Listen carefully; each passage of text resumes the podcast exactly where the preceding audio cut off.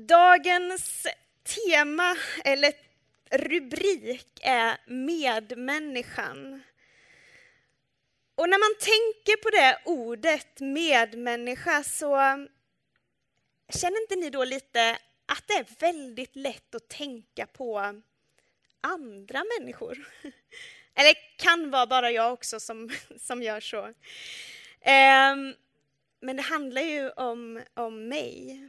Det här ordet medmänniska, för någon så kanske man tänker att det handlar om de som man har närmst, alltså sin familj. Ehm, för någon annan så handlar det om eh, även kvinnan som jobbar på ICA, på den lokala butiken. Och för en tredje så kanske det inräknas även ens eh, Facebookvänner, alla 638 styckena. Eh, och för en fjärde så kanske det till och med är så att den lilla hunden eh, som man har, den är också inräknad nästan i medmänniska, för den är nästan ju som en människa. Eh, så skulle det nog vara om jag hade en hund i alla fall. Men för oss allihopa, alltså alla vi som är här inne, eh, så handlar ju ordet medmänniska om oss. Alltså vi här inne, Ehm, alla vi som är här. Eh. Man är människa tillsammans med någon, kanske man kan säga. Och Svenska Akademins ordlista, om man slår upp det här ordet medmänniska, så beskriver man det ordet som att det är människor som man kommer i kontakt med. Och det är ändå hyfsat öppet. Människor som man kommer i kontakt med. Och jag tänkte på det häromdagen när jag köpte kaffe.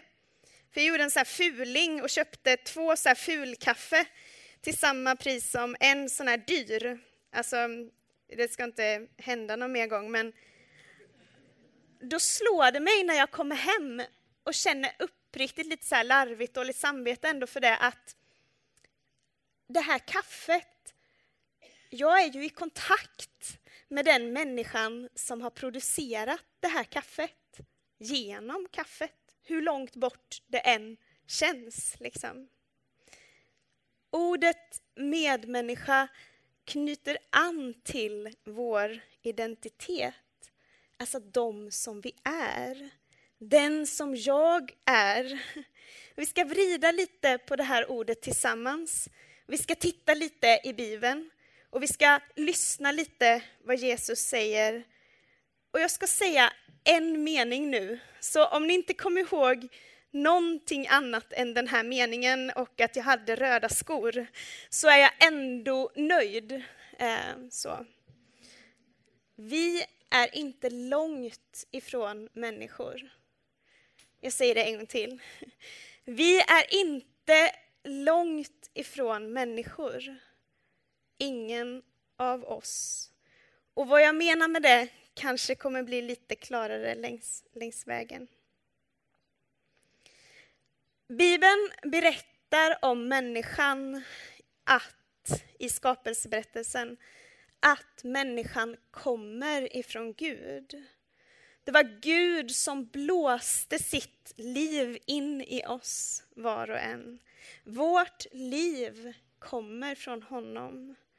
Varje människa som vi ser ute runt omkring oss på stan, alla vi som är här inne, kommer från honom. Han är våran skapare, säger Bibeln. Och det gäller ju även den sura kassörskan på 7-Eleven. Det gäller ju din morfar och det gäller ju den här tysta, fina lilla grannen som kanske någon har. Och det gäller de allra gapigaste tonåringarna nere på stan eh, som drar rundor och typ man undrar vad håller de på med, vad gör de liksom? Eh. Och det där är något att tänka på nästa gång som man trängs där nere i Nordstan och känner så här, åh, var kommer alla människor ifrån? Det är kanske bara jag också som känner så. Att var och en av dem och vår sannaste identitet som människa kommer från Gud. Och hur olika vi än blir honom. Ni vet, vi gör saker och vi är inte alltid snälla och vi gör så att det blir katastrof ibland. Så står det ändå i början av Bibeln Gud skapade människan till sin avbild. Alltså, hos oss finns någonting som är likt Gud. Hos oss, var och en, så finns det något som påminner om Gud. Därefter berättar Bibeln att människan, vi liksom kör vårt eget race. Vi viker av och kör ett sidospår. Vi tycker att det är lite roligare. Vi vill bestämma själva. Vi tar saken i egna händer, kan man säga kanske. Och det finns en rörelse här som vi ibland i kyrkan balanserar lite fel i. Och jag ska se om jag kan lyckas beskriva det för oss. Vi gör det säkert i all välmening, men det gör oss ibland och har kanske traditionellt sett gjort oss ibland till främlingar. Eller gjort att människor som finns i vår samtid och vårt samhälle har blivit de andra. Fast vi har inte riktigt menat så. Och kanske kan man säga att den här rörelsen var lite starkare i våra led eh, för 20-30 år sedan. Jag var inte med då, men jag, kan, jag anar att det är så. Men att arvet av det bär vi fortfarande med oss eh, och sättet att identifiera sig. Ibland gör vi den här betoningen, se om ni hänger med här nu, i traditionellt i frikyrkan. Vi tänker att vi är först frälsta och sen så faller vi ibland. Vi gör fel. Det skiter sig. Och sen så säger vi ibland, vi är inte mer än bara människor. Vet ni det uttrycket? Ja, vi är, det, vi är ju inte mer än bara människor. Och inte bara det att det här är ett teologiskt fel, utan det gör också något med vår identitet, för att Bibeln berättar istället att vi är först skapade Alltså, vi är inte mer än bara människor. Därefter är vi fallna och sen är vi frälsta. Alltså, vi har fått ett nytt liv. Är ni med på skillnaden? Ska jag ta det en gång till? Alltså, ibland betonar vi, vi är först frälsta och så blir vi förvånade när vi faller och så säger vi, vi är ju inte mer än bara människor. Fast att Bibeln berättar om oss vi är först skapade och avbilder. Och sen är vi fallna. Och sen får vi ta emot ett nytt liv.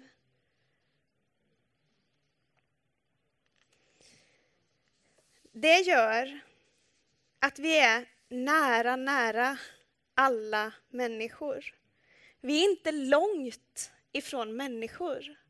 Vi är nära varandra. Vi är nära alla människor just för att vi är avbild, fallna, frälsta. Den som jag är och den som du är och hur du ser på dig själv och hur vi ser på oss som församling, det påverkar hur jag kommer att ta emot mina medmänniskor. Och nu är det läge för ordet. Det känner någon nu. Nu är det läge. Och vi ska läsa från Galaterbrevet 3 och 26. Det finns i slutet av Bibeln. Och där står det så här.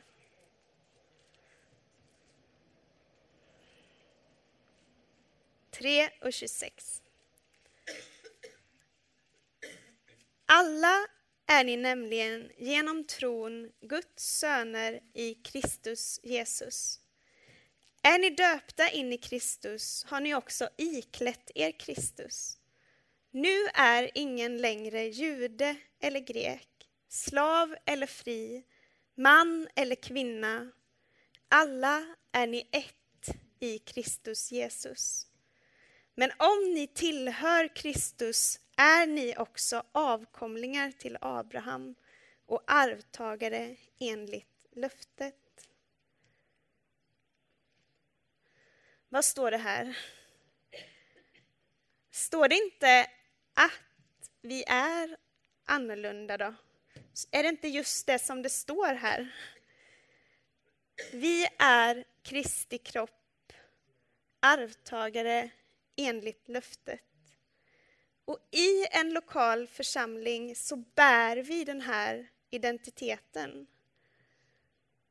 Och jag ska säga en sak som kanske är svårt för oss svenskar att ta till oss, men det gör oss särskilda. Ni hörde rätt. Vi är särskilda. Vi är speciella. Det är något speciellt med oss. Vi är hans kropp, Jesus kropp, utvalda att göra honom synlig i våran tid, står det. Men det är ju inte för att vi är särskilt duktiga på det, alltid. Jag är inte så bra på det jämt, kan man säga. Um, utan för att han av nåd reser upp oss och har tagit sin boning i oss, säger Bibeln.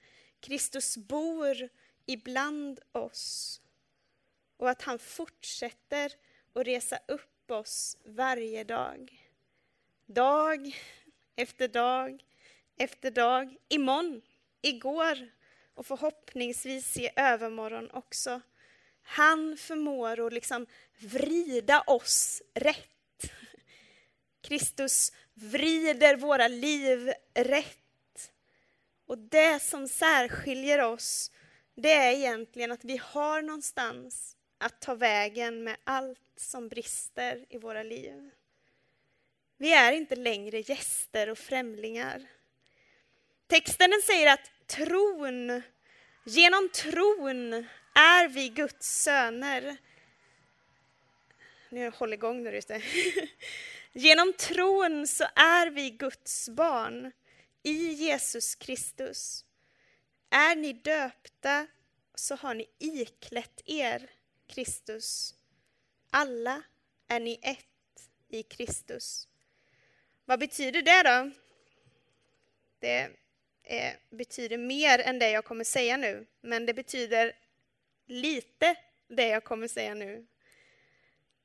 Det kan betyda att alla tidigare förutbestämda definitioner, alltså som gör oss till de som vi är, de är underordnade att vara ett i Kristus. Ingen är längre, står det, man eller kvinna, gammal eller ung, eritrean eller svensk, skåning eller värmlänning, rik eller fattig, inte ens... Nu, jag får se jag får gå ner nu. Inte ens göteborgare. Inte ens om man är det i tredje generationen eller fjärde. Kan det vara så att alla de sakerna är underlagda att vi är ett i Kristus. Ibland kan jag komma på mig själv och min kyrka och våra, liksom, vårt sammanhang att tänka att det är de negativa identitetsmarkörerna som liksom upphör. Alltså det här slav eller fri eller förtryckt eller liksom. Men även sådana saker som är positiva, som identifierar oss och förenar oss. De får en underordnad betydelse. Vad betyder det? Det betyder att jag kommer aldrig att främst vara skåning från östra sidan och det är något väldigt positivt alltså. Eller jag kommer inte främst att vara från södra Vätterbygden, hur gärna min kära far, han, åh oh, vad han vill det. Jag är ju därifrån. Ja. Jag kommer inte främst vara förenad med personer som har ett ljust och fräscht hem. Eh, Även om jag skulle ha det. Eh, det har jag inte i och för sig, men eller liknande. Jag kommer inte främst vara en sån som cyklar Vätternrundan och därför känner mest samhörighet med andra som cyklar Vätternrundan. Eller jag kommer inte främst ha min identitet i att jag gillar jazz även om jag gör det, eller vad det nu är. Utan min främsta identitet har jag i Kristus. Därför kommer jag vara främst förenad med andra som är ett med mig i Kristus, som har iklätt sig Kristus. Det är därför som vi är här. Och på ett sätt så är inte det någonting som man väljer. Det sa en av våra vänner som predikar ibland i kyrkan. Han sa, jag kan ju se många här framifrån som jag stör mig på av er. Eh, det var modigt. Det kan ju inte jag, för jag känner ju inte er, men det här att vara ett i Kristus, det handlar inte om personkemi. Det är inte därför som vi är här. Men vi är inte en klubb. Vi är inte det.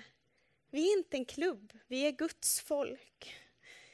Vi ska läsa från Andra Korintierbrevet 5. Det är också långt bak, det är efter första Korintierbrevet.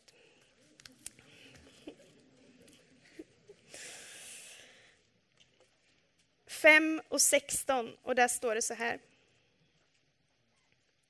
Därför bedömer jag inte längre någon på människors vis.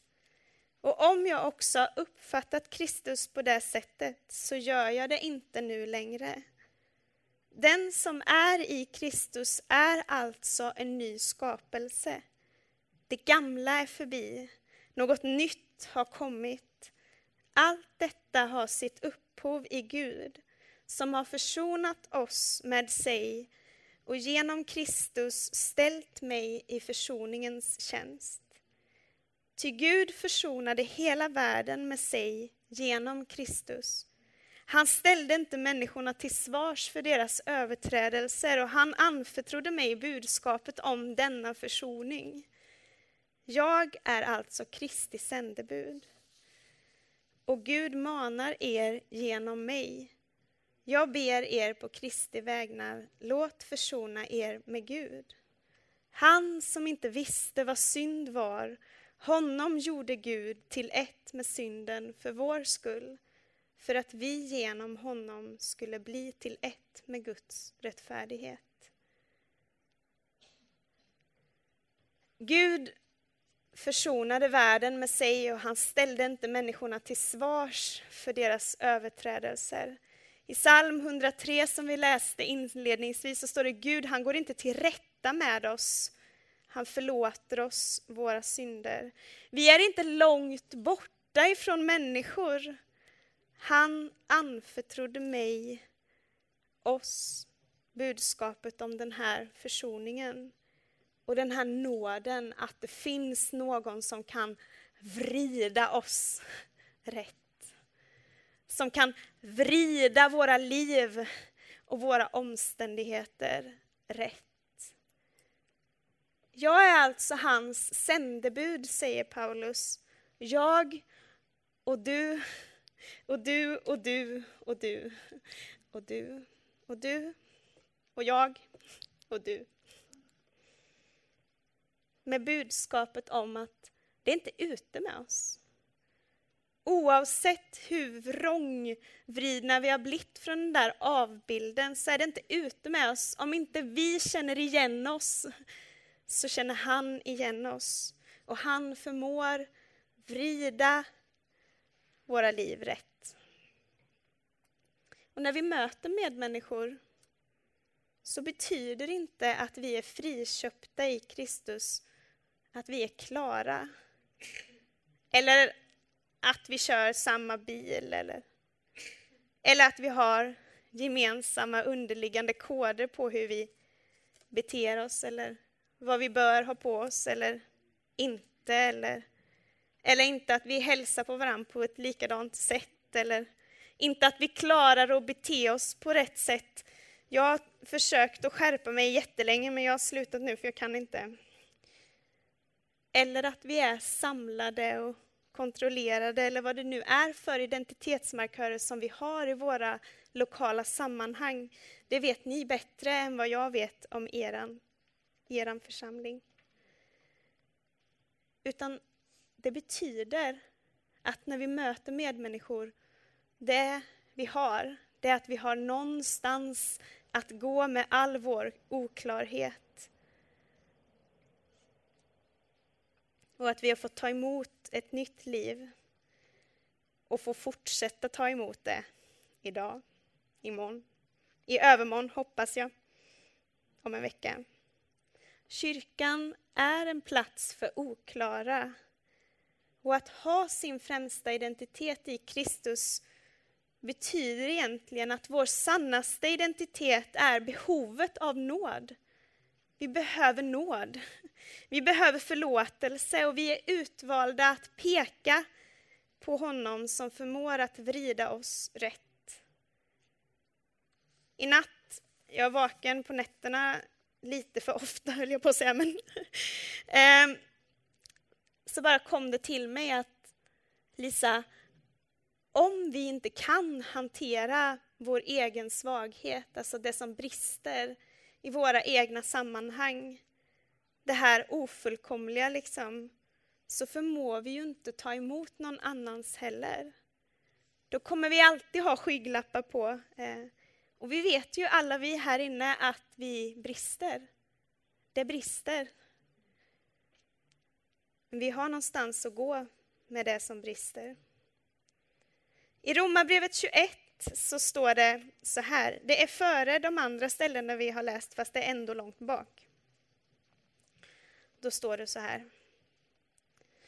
Men nu har Gud uppenbarat en rättfärdighet som inte beror av lagen, men som lagen och profeterna har vittnat om. En rättfärdighet från Gud genom tron på Jesus Kristus för alla dem som tror. Här görs ingen åtskillnad.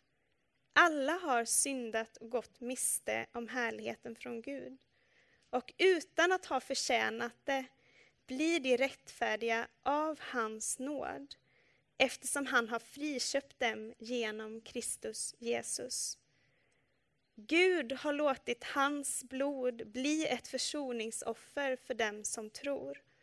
Så ville han visa sin rättfärdighet eftersom att han förut hade lämnat synderna ostraffade under uppskovets tid. I vår egen tid ville han visa sin rättfärdighet, att han är rättfärdig och gör den rättfärdig som tror på Jesus. I somras, eller nu nyss, typ för några veckor sedan, så hade jag förmånen att få predika på Frizon. Det är en festival för eh, yngre, fast alla som är över 50 går in gratis och det är jättebra. Så åk dit. Var med där, hjälp till, bär runt på saker, tjäna, eh, städa, fixa, var tillgänglig. Jag uppmanar er, det är fantastiskt. Eh, under våren så byggs det liksom upp en så ganska stark, ni vet man kan få så ganska stark vånda eh, över hur jag liksom ska lyckas vara en förebild för alla de här ungdomarna.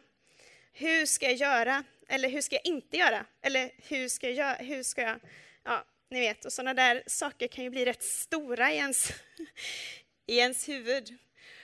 Och det växte sig liksom större inom mig, den våndan, tills Herren en dag liksom bara tar mig så här och bara, uh, ni vet som det kan vara. Och så säger han, du är inte en förebild för att du klarar av att leva utan synd. För det vet ju jag att jag inte klarar, och det vet ju ni med. Eh, utan på grund av vart du går med din brottning och hur du hanterar din brottning. Alltså vad gör vi när allting rasar samman? Vad gör vi när vi inte liknar avbilden? Vart tar vi vägen då någonstans när våra äktenskap liksom... Eller när våra barn, när det händer saker eller när vi själva brottas med egna problem. Vart tar vi vägen med den brottningen? För brottningen kommer ju fortsätta så den kommer alltså inte att upphöra. Den kommer inte ta slut. Vad blir det då kvar av vår stolthet, står det i vers 27. Ingenting. Vilken lag säger det? Gärningarnas? Nej, trons lag. Ty vi menar att människan blir rättfärdig på grund av tron oberoende av laggärningar. En av de andra predikanterna på frizon, han sa, han var, han var lysande, det var ett eget, det var ju väldigt bra. han sa i alla fall att eh, våra liv ska vara som en trailer, ni vet en sån här filmtrailer som man tittar på för att se om en film är bra eller inte. Eh, och när man har sett den här trailern, sa han, då ska det kännas ungefär sådär som att man har sett hela filmen. Eh, alltså en trailer om det här riket som ska komma. Om den här platsen som vi är på väg mot. Om det här mötet när vi ska få se honom så som han är. Den där Kristusdoften. En trailer där man känner att man har sett hela filmen. Vad gör det här nu då med våra liv? Alltså vad blir det av det här? Vad blir det här för praktiskt? Hur, hur ser det här ut liksom? Det ser ut på massa olika sätt. Eh, många sätt som finns bland er som jag inte känner till och som jag inte vet, eh, som säkert är väldigt, väldigt bra. Det kan jag tänka mig. Men ett signum som jag vill skicka med bara i den kristna tron, det är gästfrihet och generositet. Det är inte ett extra tillägg, det är inte kuriosa, utan det har liksom sin grund i det här att vi inte är uppdelade, vi är inte segregerade, vi är inte längre främlingar för varandra eller för, för andra. Och vi är en grupp av människor som består av individer. Vi är inte individer som bildar en grupp ibland när vi känner för det. Det det är väldigt, jag blir provocerad själv varenda gång jag säger så. jo, jag är visst en, jag är en individ. Jo, men det är du. Eh, men Bibeln säger att vi är Kristi kropp, alltså vi sitter ihop. Vi är ett i honom. Och varje liten del behövs. Och det är en jätteutmanande tanke i vår samtid. Levi Petrus han fick en gång frågan så här, eh, Levi Petrus vet ni han, pingst, pingst Förlåt. eh, vad som kännetecknar en andefylld människa. Man kan ju tänka många olika svar som han skulle ha kunnat ge ehm, eftersom han var en, en sann pingstvän. Men han svarade att, eh, att hon är kärleksfull och visar medkänsla. Att hon är kärleksfull och visar medkänsla. Som en röd tråd genom Jesus förkunnelse så finns den här öppenheten för andra människor, ömsesidigheten. Från det här i gyllene regeln med det här, allt vad ni vill att människorna ska göra mot er ska ni också göra mot dem. Till den återkommande uppmaningen, döm inte. Döm inte varandra. Döm inte i sin undervisning och genom hela hans liv så visar han på att det finns ingen människa som inte är värd att uppmärksammas och bli sedd. Det finns ingen som inte är värd att umgås med eller som inte är värd att inkludera, som inte är värd att älska. Eh, och jag önskar att vi inte skulle vara långt ifrån människor. Eh, att vi skulle få mer mod att vara öppna att vi som kristenhet, och jag vet inte ju såklart hur ni har det, men att vi som kristenhet i stort inte skulle falla in i tyckandets tyranni så ofta som vi gör, utan att vi skulle älska. Och då krävs det mod. Öppenhet, den stora utmaningen med det är att vi får vara beredda att förändras. Och grunden är att man är nyfiken på människor. Andras erfarenheter, andras tankar. Vi kan lära oss någonting, att vi kan utvecklas. Att vi inte är oss själva nog. Då behöver man inte vara modig. Då är man ju, då är man ju klar. Ehm. Orädsla kanske är det som kännetecknade Jesus mest. Och ibland så kan jag komma på mig själv med att tro att om vi lyssnar på människor som inte alls tycker likadant som jag själv så kan vi förlora någonting, tror vi nästan. Alltså då kan det försvinna det som jag tycker. Jag vet inte om ni känner igen er. Eller om vi tar del av saker där vi inte instämmer så är det som att vi tror att vi kan förlora någonting där. Men det är inte samma sak som att vi håller med. Vi är inte långt ifrån människor. Och vi är kallade att välsigna, lyssna, förstå. Inte tycka, alltid.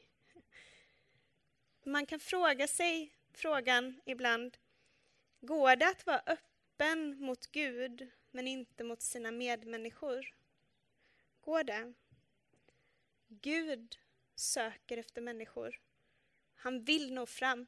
Det är hans utgångspunkt. Han vill möta oss och andra människor. Och det är bara Jesus som kan frälsa människor, hela människor.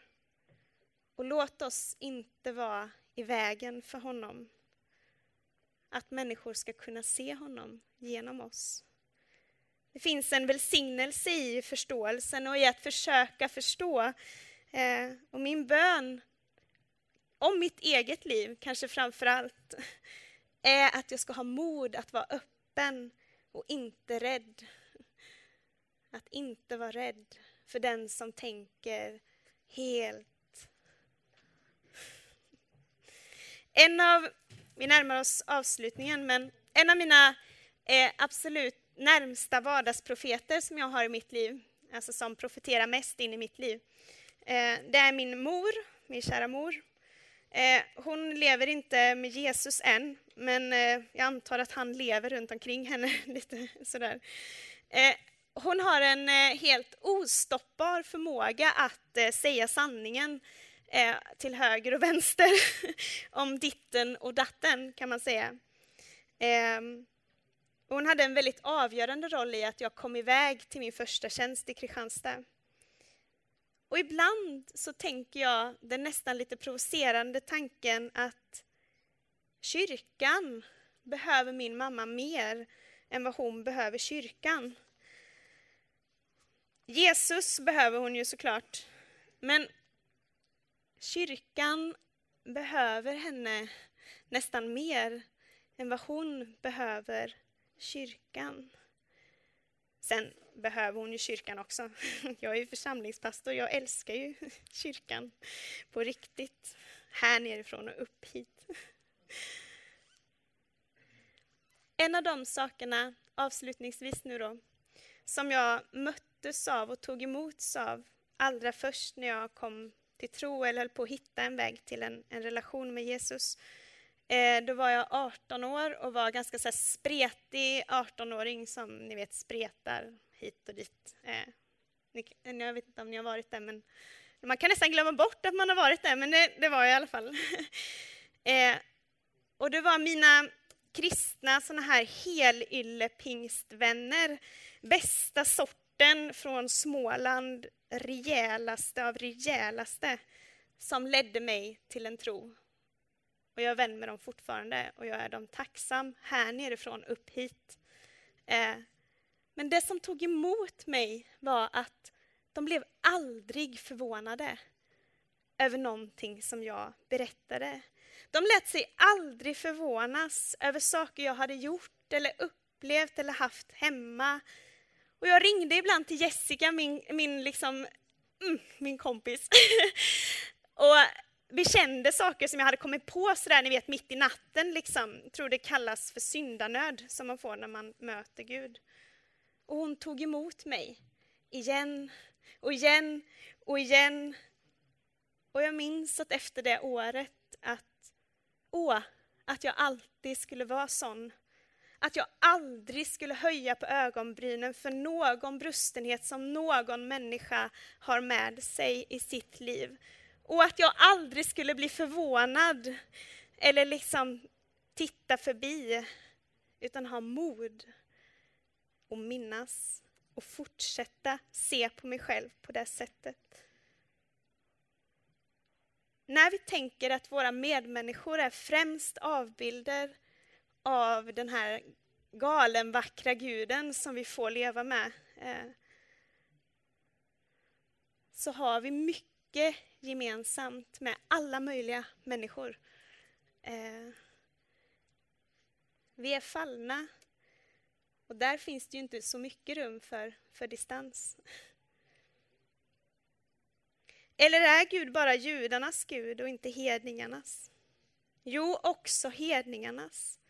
Så visst som Gud är en, han som ska göra det omskurna rättfärdiga av tro och det oomskurna rättfärdiga genom tro. Upphäver vi då lagen genom tron? Inte alls. Vi befäster lagen. Jag ska läsa en liten kort dikt för er som jag brukar läsa för mig själv och läsa ibland när jag irriterar mig på personer så läser jag den för dem i mitt huvud. Och som ett statement. Eh, det är Ylva Eggehorn. Jag tror allt om dig. Jag, min bror, min syster. Jag tror allt om dig. Jag tar emot allt för dig. Jag vet att du ska komma hem och växa hemma och gå ut och föra andra hem. Jag tror med den tro som skapade världen när jorden låg öde och tom. Och jag tar emot med dig med den kärlek som försonade människorna när alla förkastade varandra. Jag vet att du ska komma hem, för han har talat ett mäktigt ord. Och det ordet ska gå i fullbordan, inte genom din hand, utan genom hans händer, hans kropp som har sår för ljuset, hans kropp som har delat allt, som har gjort dig hel. En rabbi sa en gång till ett gäng med lärda snubbar, var bor Gud? Och så skrattade de. Men så ni talar, världen är ju full av hans härlighet. Men rabbins eget svar blev, Gud bor där han blir insläppt. Världen är full av Guds härlighet, men öppnar vi och släpper in den. Amen. Herre, åh att du med din nåd skulle göra oss modiga. Och tack för allt som är modigt i oss. Tack för dem som vi är. Tack för dem som du har gjort oss till. Och vi ber dig, helige Ande, att du skulle liksom vrida våra liv rätt. Att du fortsätter ditt goda verk bland oss, Herre. Vårt hopp är hos dig. Vårt hopp är till dig. Och jag ber nu särskilt, Herre, för den som bär på tunga saker, att du kommer och talar med din kärleksfulla röst om att du kan vrida allt rätt. Amen.